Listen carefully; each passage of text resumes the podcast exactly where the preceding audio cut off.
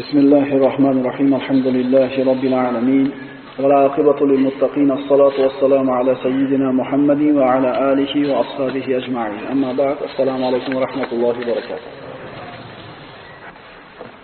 qolgan asrlarni payg'ambarimiz sollallohu alayhi vasallam musulmonlar o'rtasida taqsim qilib berdi rasulullohning nasibasiga rayhona al quraziya tushdi payg'ambarimiz unga islomni qabul qilsang seni ozod qilib senga uylanaman dedi. Ozod qilaman hamda uylanaman dedi. Lekin rayhona o'zini dinida qaysarlik qilib turib qoldi. Rasululloh uni o'zini dinida qolib u bilan birga bo'lishini xohlamadida uni holi qo'ydi. Bir qancha vaqt o'tgandan keyin payg'ambarimiz sahobalar bilan o'tirar ekan bir kishini rasulullohni huzuriga kirib kelayotganligini ovozi eshitildi oyoq ovozlari. Shunda payg'ambarimiz aytdilar bu falonchi kelyapti. Menga rayhonaning islomini xabarini olib kelyapti hali u kishi kirmasdan turib haqiqatdan ozgina vaqt o'tdi. Payg'ambarimiz ismini aytgan kishi kirdida "Ya rasululloh xursand bo'ling.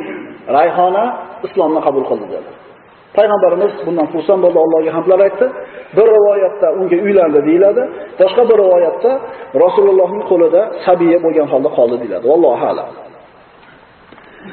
Xanda g'azotiga taalluqli oyatlar ahzob surasida nozil bo'ldi ahzob surasining katta qismini tushunishligimiz uchun handaq g'azotidan xabardor bo'lishligimiz kerak bu yana bir marta bizga siyrat ilmi qur'onni bizga qanday o'rgatishligiga bir ibrat misol bo'ladi أعوذ بالله من الشيطان الرجيم يا أيها الذين آمنوا اذكروا نعمة الله عليكم إذ جاءتكم جنود فأرسلنا عليهم ريحا وجنودا لم تروها va kanallohu bima ta'maluna basira. Mana endi Handaq g'azoti xususida Alloh taolaning tushirgan oyatlar. Ey mu'minlar, sizlarga qarshi qo'shinlar kelgan paytda biz ularning ustiga shamol va sizlar ko'rmagan lashkarni yuborganmiz. Allohning sizlarga bergan ne'matini eslanglar.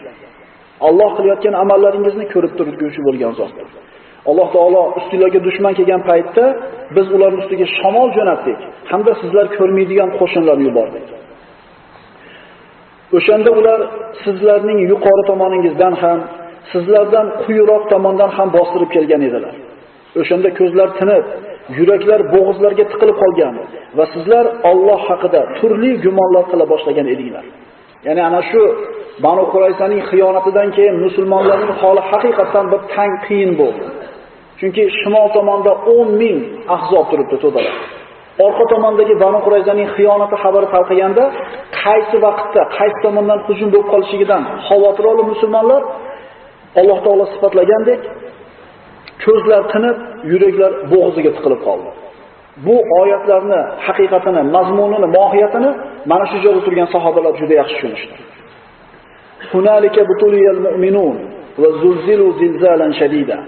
وإذ يقول المنافقون والذين في قلوبهم مرض ما وعدنا الله ورسوله إلا غرورا ana o'sha joyda mu'minlar yana bir bor imtihon qilindilar va bu dahshatdan qattiq larzaga tushdilar mana endi munofiqlarni aytgan so'zi va qilgan ishlariga Alloh taoloning bergan ta'liqi o'shanda munofiqlar va dillarida maraz bo'lgan kimsalar Alloh va uning payg'ambari bizlarga faqat yolg'on va'da qilgan ekanlar deya boshlashdi. Ana shu to'dalarni ko'rganda munofiqlar Muhammad bizga yolg'on va'da qildi, bizga g'ururni va'da qildi deyishdi. O'shanda ulardan bir toifa odam dedi: "Ey Yasrib ahli, sizlar uchun turish imkoni yo'qdir. Bunchalik katta qo'shinga qarshi turishlikka imkon yo'q. Bas o'z uylaringizga qaytib ketinglar." Bir toifasi shunday dedi. Ulardan yana bir guruh esa uylarimiz ochiq sochiq qolgan edi deb payg'ambardan izn so'rardilar. Holbuki uylari ochiq sochiq emas edi. Ular faqat jang maydonidan qochishni istardilar. Ya'ni payg'ambarimiz bilan Handaqni 3000 kishi kavlagan bo'lsa, Banu Qurayzaning xiyonatini xabari kelgandan keyin 2700 odam qaytib ketdi. Rasululloh bilan 300 donagina odam qoldi 10 ming qo'shinni qarshisida. Bir toifasi kuchimiz yetmaydi deb ketdi. Ikkinchi toifasi uyimizni orqasi ochiq edi deb bahona qilib ketishdi. Lekin g'alaba Alloh tomonidan bo'ladi. Quvvat kattaligi, adabni ko'pligi, qurolli kuchi bilan emas. Bor yo'g'i bir sabab. Lekin Alloh taolo o'zi bilgan yo'l bilan musulmonlarni g'olib qildi. ولو دخلت عليهم من أقطارها ثم سئلوا الفتنة لأتوها وما تلبسوا بها إلا يسيرا agar ularning ya'ni munofiqlarning ustiga turli tomonlardan bostirib kirilsa-da, so'ngra ulardan musulmonlarga xiyonat qilishlik, fitna talab qilinsa, shak shubhasiz ular ko'p ikkilanib turmasdan xiyonatga rozi bo'lgan bo'lardilar. Holbuki ular ilgari ana shu va'da berganlar. Ortga chekinmasligi haqida Allohga ahd paymon bergan. Allohga berilgan ahd paymon esa qiyomat kunida so'ralguvchi edi. Ey Muhammad, ayting, agar sizlar o'lishdan yo o'ldirilishdan qochsangizlar, bu qochi sizlarga biron foyda bermas. Demak, sizlar juda oz foydalanursizlar. Ya'ni o'limdan qochib ketuvdinglarmi? Agar Alloh taqdir qilgan bo'lsa, uylarga borganlarda qatl bo'lasizlar, taqdir qilmagan bo'lsa yo'q. Inson ajali yetgunicha yashaydi. Yahsabuna al-ahzaba lam yadhhabu. To'dalar mana Naim ibn Mas'udni qilgan hiylasidan keyin ketishdi. Uylariga ketib qolgan munofiqlar va qalbida marazi bor insonlar to'dalarni ketganidan xabari yo'q, uyda o'tirishar edi. Qachonki musulmonlar Madinaga qaytib kelib, Banu Qurayza qarab tayyorgarlik ko'rayotgandan keyin bilishdi. To'dalarni ketganligini. Alloh taolay aytadi: "Yahsabunal ahzaba lam yadhhabu." Ular to'dalarni ketmagan deb o'ylaydilar. Uyda o'tirishdi, bilishmaydi ketganini. Va agar u firqalar yana qaytib qolsalar, munofiqlar shaharda, sizlarning ichingizda emas, balki sahroda, ko'chmachi badaviylar orasida bo'lib, sizlarning hol xabaringiz haqida so'rab bilishni, so'rab bilib turishni do'st tutadilar. Ya'ni agar qaytib keladigan bo'lsa, tashab chiqib ketib, tashqaridan turib holinglardan xabardor bo'lib turishida holida munofiqlar. Hamda Alloh taolo payg'ambarimiz sollallohu alayhi vasallamning shaxsiyati haqida oyatlar nozil qildi. لقد كان لكم في رسول الله أسوة حسنة لمن كان يرجو الله واليوم الآخر وذكر الله كثيرا Ey mu'minlar sizlar uchun Alloh va oxirat kunidan umidvor bo'lgan hamda Allohni ko'p yod qilgan kishilar uchun Allohning payg'ambari iymon e'tiqodi va xulq atvorida go'zal ibrat namuna bordir. Mana shu oyatdan siz bilan biz tushunamizki, musulmon odamga ibrat bo'ladigan zot faqat Rasululloh sallallohu alayhi vasallam. Va raddallohu allazina kafaru bighayzihim lam yanalu khayra. Va kafallohu almu'minina alqital va kana Allohu qawiyyan aziza. Alloh kofirlarni xafa hollarida qaytardi. Mana 10 ming qo'shin keldi, 45 kun qamal qilib turishdi, hech narsaga yetisha olmadi. Alloh aytadi: Alloh kofirlarni xafa hollarida qaytardi. Ular biron yaxshilik foydaga erishmadilar. Alloh o'zi kifoya qildi. Alloh mu'minlarga jang to'g'risida kifoya qildi. Ya'ni osmondan o'zi bilgan qo'shinni tushirdi, shamolni yubordi, musulmonlarni ishsiz dushmanlar mag'lub qildi. Alloh kuchli, qudratli bo'lgan zot. Oyatlar ko'p, mana ba'zilarini o'qidik. Nihoyalaymiz Handaq g'azotini. 45 kun qamal qilib turgan 10 ming qo'shin hech narsa qila olmasdan qaytib ketdi. Mana shu 45 kun bo'lgan jangda bor yo'g'i 8 kishi halok bo'ldi. Badr g'azoti 2 soatdan oshiqroq bo'ldi. Mushriklardan 70 ta o'ldi, 70 ta asir olindi. Musulmonlardan 12 ta o'ldi. Musulmonlardan 5 kishi, mushriklardan 3 kishi. Musulmonlardan vafot etgan shahid bo'lgan sahobalar Anas ibn Aws, Abdulloh ibn Sahl, Tufayl ibn Nu'mon, Sa'laba ibn G'anama, Ka'b ibn Zayd va Sa'd ibn Muoz roziyallohu anhular. Mushriklardan esa 3 kishi. Munabbih ibn Usmon ibn Abduddor bu ana shu bir-biriga kamon otayotgan paytda ikki qo'shin kamon bilan o'ldi. Hamda o'lgan ikkita kishini bittasi Amr ibn Wud va Nawfal ibn Muaviya. Handaqni musulmonlar tomoniga yig'ib o'tib turib, muborazaga tushgan 5 ta pahlavonning ikkitasi qolgan edi. Mana shu ikkita kishi. Demak, 45 kunlik jangda bor yo'g'i 8 ta odam o'ldi.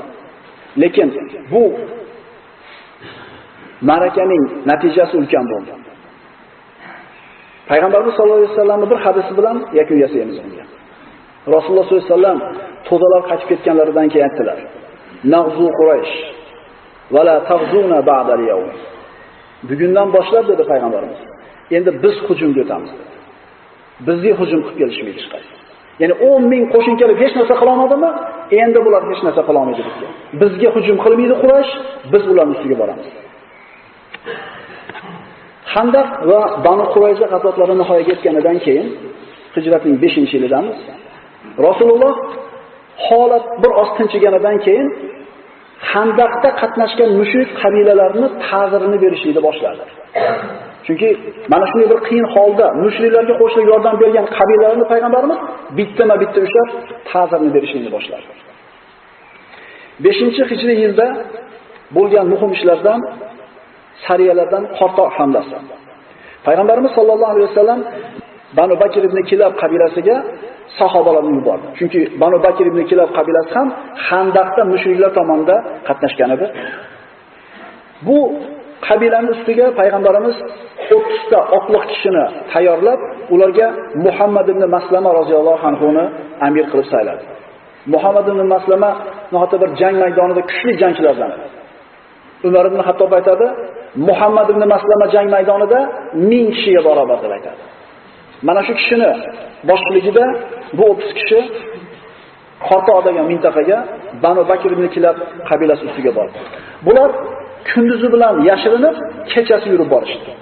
Banu Bakr ibn Kilab qabilasiga yetib borishdi, hamda ularga to'satdan hujum qilishdi. Hamma qabilalar kutib turishgan edi. Musulmonlar ularning ustiga keladi. Ta'zirni berishligi uchun. Ulardan 10 kishi qatl qilindi, qolganlari qochib ketishdi. Ulardan qolgan 50 ta tuya va 3000 ga yaqin qo'yni o'lja qilib, ular Madinaga olib kelishdi. Payg'ambarimiz ayol va bolalarga tegmanglar degan edi. Shuning uchun Muhammad ibn Maslama faqat qo'y va tuyalarni olib Madinaga qaytib keldi. Yo'lda ular qaytib kelayotganda kichkinaga bir hodisa yuz berdi, lekin bu hodisa kichkina bo'lishiga qaramasdan keyingi ta'sir katta bo'ldi. Chunki bu qo'shin qaytib kelayotganda yo'lda uxlayotgan bir odamni ushlashib oldi. Asr qilib Madinaga olib kelishdi. Bu kishini kimligini tanishmasi. Payg'ambarimiz sollallohu alayhi vasallamning oldiga kelib bo'lgan hamlaning natijasini aytganda payg'ambarimiz quvondi hamda asr haqida ham gapirishdi. Ya Rasululloh bir asrni tutdik, olib keldik. Uni payg'ambarimizning oldiga olib kelganida payg'ambarimiz uni tanidi. Atarifuna mana hastum kimni ushlab kelganlarni bilasizlarmi? Ya Rasululloh biz bilmaymiz dedi. Bu Banu Hanifaning sayyidlaridan Sumoma ibn Usol. Banu Hanifa qabilasi 100 ming adadlik, quvvatli, eng kuchli qabilalardan bittasi edi. Edi ana shularning sayyidi Sumoma ibn Usol umra qilgani ketayotgan edi. Va qaytishlikda Muhammadni qatl qilib kelaman degan niyati ham bor edi. Musulmonlar uni tutib olib kelishdi. Payg'ambarimiz sollallohu alayhi vasallam uni tanib turib, aytdiki, buni masjidning eshigini oldiga bog'lab qo'yinglar va chiroyli muomala qilinglar. Aqsini osa. Yaxshi muomala qilinglar dedi. Ya'ni ko'ring, asr o'zi asrlarga musulmonlar yaxshi muomala qilgan, lekin xususan mana shu kishiga boshqacharoq muomala qildilar. Sahobalar u kishiga yaxshi muomala qilishdi va ertalab kechki payt oldiga sutabga berishardi.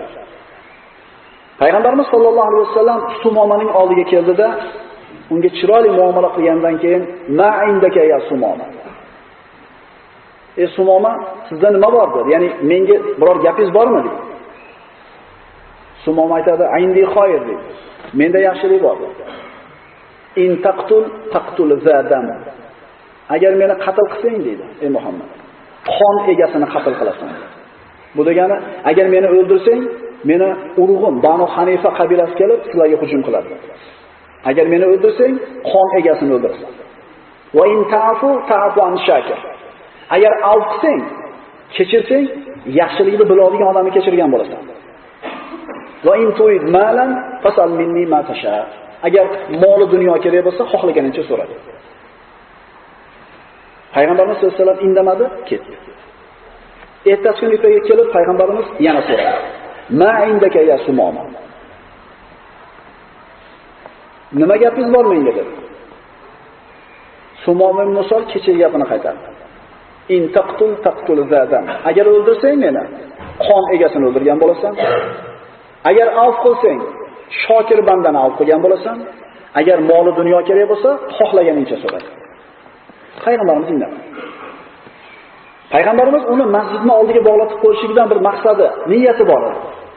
Musulmonlarning axloqini ko'rsa, musulmonlarni bir-biri bilan qilayotgan muomalasini ko'rsa, masjidda o'qilayotgan Qur'on oyatlarini eshitsa ta'sirlanarmikin degan maqsadda payg'ambarimiz masjidni eshigini tagiga bog'lagan. Ya'ni ko'ringlar, musulmonlarni faqat til emas da'vat. Musulmonlarning axloqi ham da'vat bo'lar ekan. Tushunarlimi? Bu chiroyli sipo bo'lib masjidga kirib namoz o'qib, esli bo'lib turib qilayotgan muomalamiz, jahlimiz chiqqanda o'zimizni tutolmayotganligimiz, yoshlar bir sport o'ynayotganimizda o'zimizni tutolmayotganligimiz bizni salbiy da'vatimiz bo'lib qoladi. Uchinchi kun kelib payg'ambarimiz ma'indaka ya sumoma. Nima gapingiz bor ya sumoma? Sumoma kechagi kunlarda gapirgan gapini yana qaytardi. Shunda payg'ambarimiz undan bo'lgan o'zgarishni ko'rmadida, avf qilamiz dedi. Qo'yib yuboringlar buni dedi. Qo'yib yuborishdi. Qo'yib yuborishganidan keyin payg'ambarimiz niyat qilganidek ta'sirlangan edi. Sahobalar axloqidan, muomalasidan, Qur'on oyatlaridan ta'sirlangan edi. Banu Hanifaning sayyidlarining kattalaridan bo'lgan Sumoma ibn Usol islomga kirdi. Bu musulmonlarga juda katta bir muvaffaqiyat, g'alaba edi. Payg'ambarimiz sollallohu alayhi vasallamga iymon keltirganidan keyin Sumoma aytdi: "Ya Rasululloh" Men Madinaga kelganimda men uchun sizni yuzingizdan ko'ra yomonroq yuz yo'q edi. Sizni diningizdan ko'ra yomonroq din yo'q edi men uchun.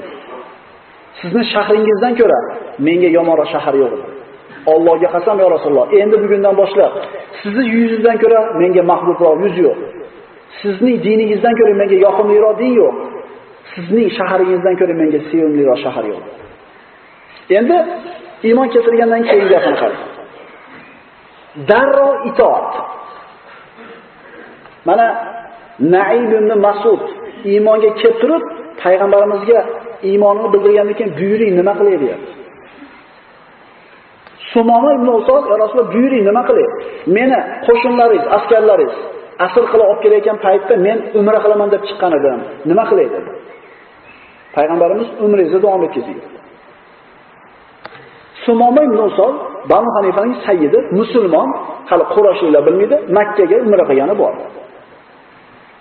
Sumoma ibn Usol kelganda Quraysh nihoyatda bir iliq kutib oldi, chunki Banu Hanifaning sayyidi keldi. Hamda Sumoma tavof qilar ekan talbiya aytdi. Labbayk Allohumma labbayk, labbayk la sharika laka labbayk, innal hamda wan ni'mata laka wal mulk la sharika lak. Bu islomiy talbiya. Mushriklar ham mana shu talbiyani aytishar edi, faqat la sharika lak deb to'xtatmasdan qo'shib qo'yishar edi. Mana shu qo'shib qo'ygani shirk edi. Illa sharikan huwa lak tamlikuhu va ma malak. Endi mushriklar Sumoma tavof qilayotganda quloq solib turishdi. Talbiya aytdi.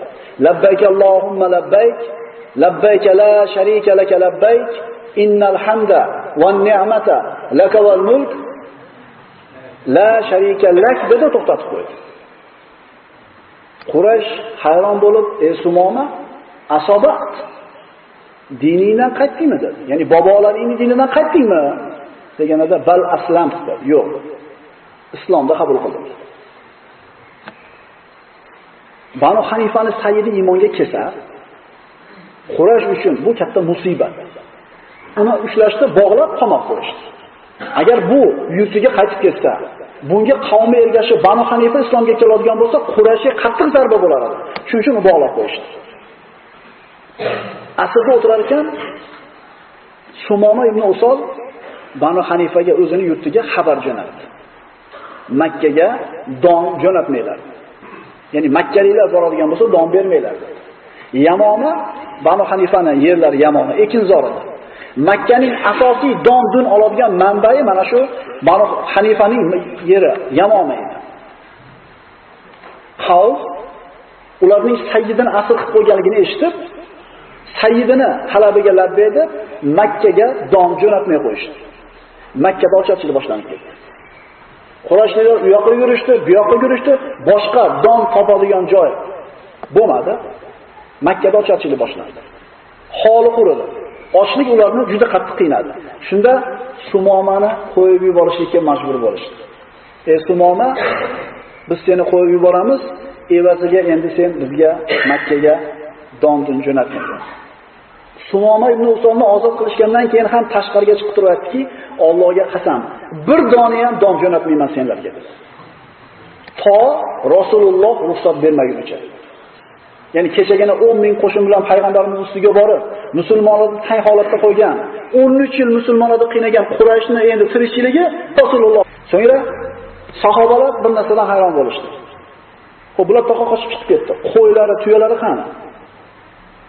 Bano Asad musulmonlarning kelishligini bilganligidan tayyorgarlik qilib, qo'ylarini yashirib qo'yishgan Asir Asr olingan boyagi kishini so'roqqa tutishganida u aytdiki, agar meni ozod qilib qo'yib yuborsanglar, men sizlarga ko'rsatib qo'yaman qayerdaligini. Sahobalar rozi bo'lishdi. Uni orqasidan borishdi, u yetalab ketdi. Juda uzoq masofa yurishdi. Sahobalar u kishini qilayotgan ishidan shubhalanib, sen bizni pistirma bor joyga olib ketyapsan deb yana so'roqqa tutishdi. Yo'q, mana tog'da orqasida dedi. Haqiqatan uni gapiga ishonib odam yuborilganida ana shu vodiyda Banu Asad qabilasining qo'ylari va tuyalari, chorvalari yashirilgan edi. Ularda barchasini olib, Ukkash ibn Muhsin roziyallohu anhu Madinaga qaytib keldi.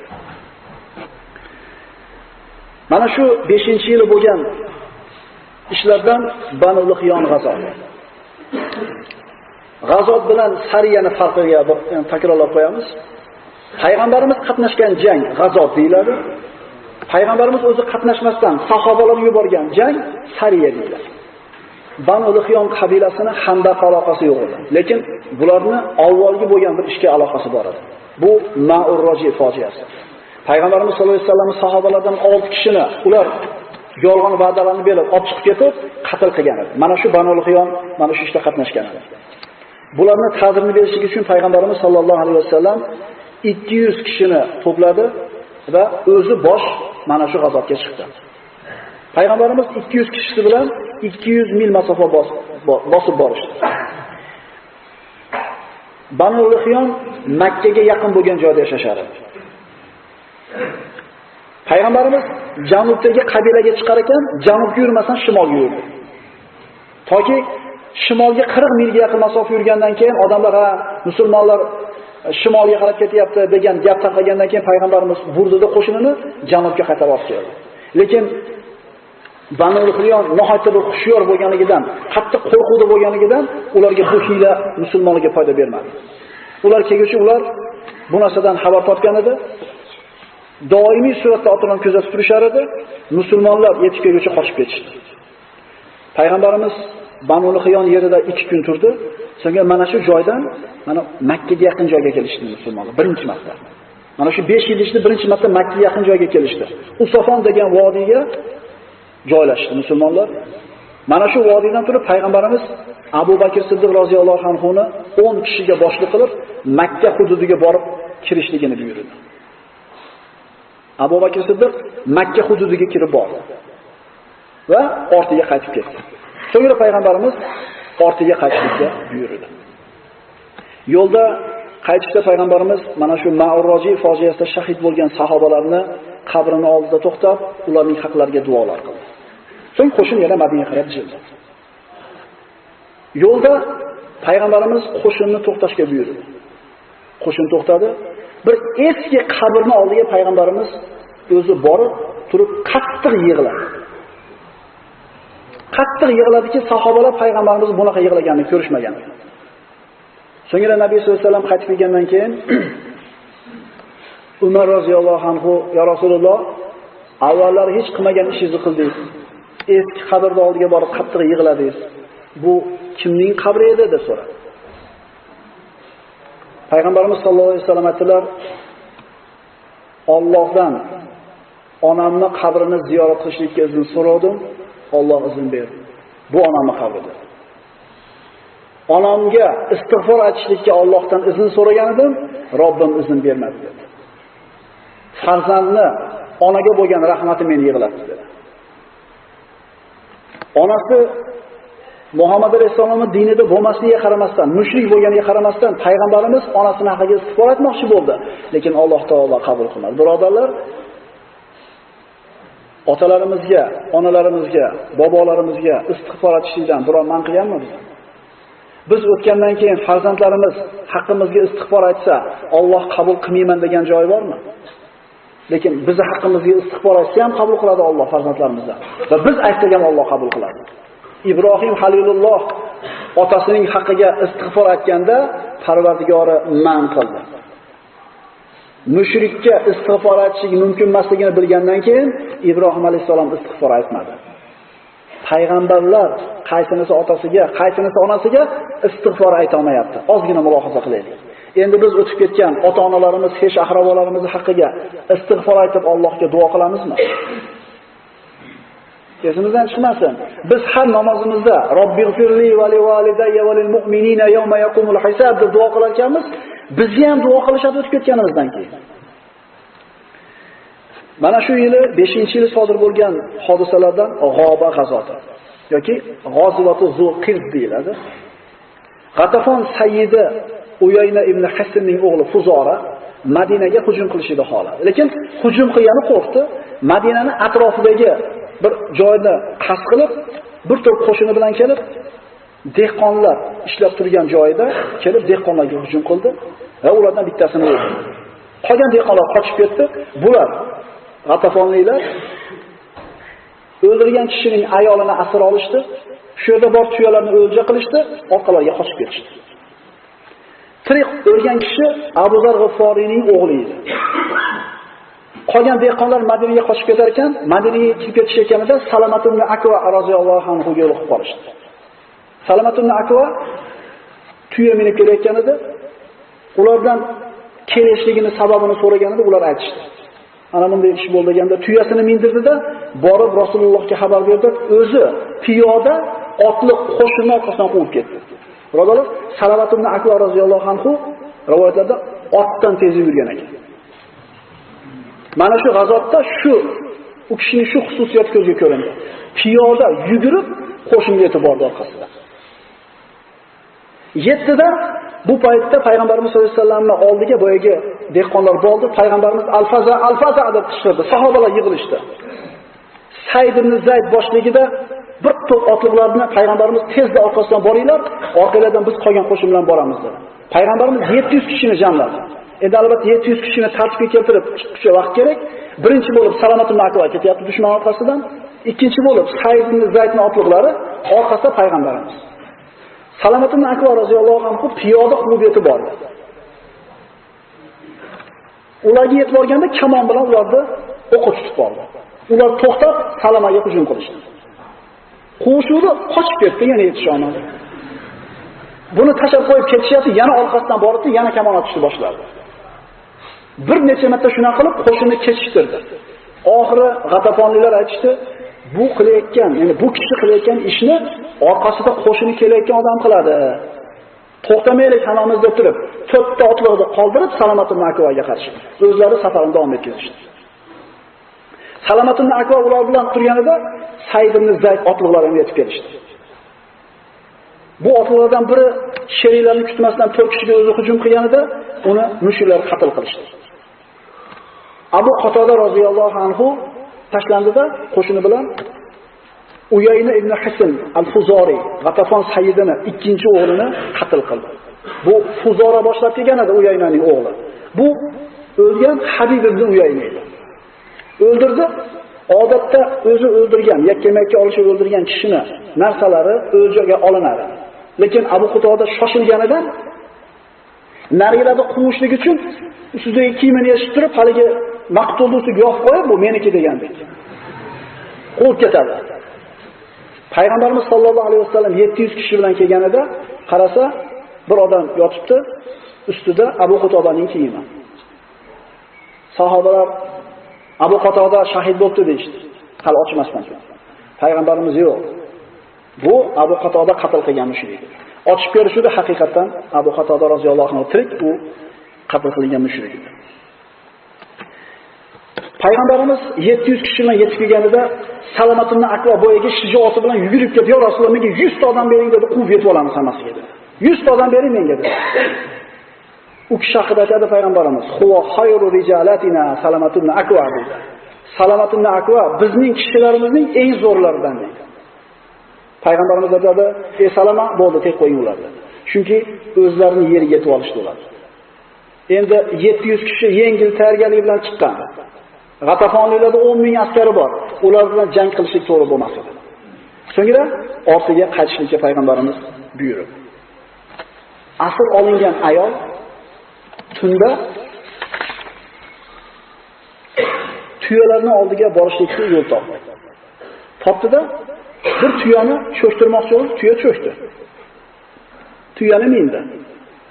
Tuya o'rnidan turdi. Endi G'atafondan Madinaga qaytib kelish kerak. Masofa juda katta. Yo'lni bilmaydi, nima qiladi? Parvardigor deydi. O'zing yo'l ko'rsatib turib, tuyani turtdi. Tuya qo'zg'alishga aytadiki, Parvardigor deydi, nazr qiladi, qarang, nazr. Agar meni omonlikka yetkizsang, mana shu tuyani so'yib senga qurbonlik qilaman. Haqiqatan Alloh duosini ijobat qilib, bu ayolni tuya to'xtamasdan to'g'ri Madinaga olib keldi. Payg'ambarimiz sollallohu alayhi vasallam oldiga qutilib kelgandan keyin, "Ya Rasululloh, men mana bunday nazr qilib qo'ydim. Nima qilay dedi?" Subhanalloh dedi. Bisa majazatiha. Qilgan mukofoti naqadar yomon bo'pti-ya? seni qutqarib olib kelsin, seni so'yaman deysanmi? Undan tashqari bu tuyo seniki emas dedi. O'ziniki bo'lmagan narsadan nazr qilishlik yo'q dedi. Ya'ni G'atafonliklarning mana shu qilgan hujumidan hali ham arablar Madinaga hujum qilishlikdan umidvor ekanligi ma'lum. أقول قولي هذا وأستغفر الله لي ولكم السلام عليكم ورحمة الله وبركاته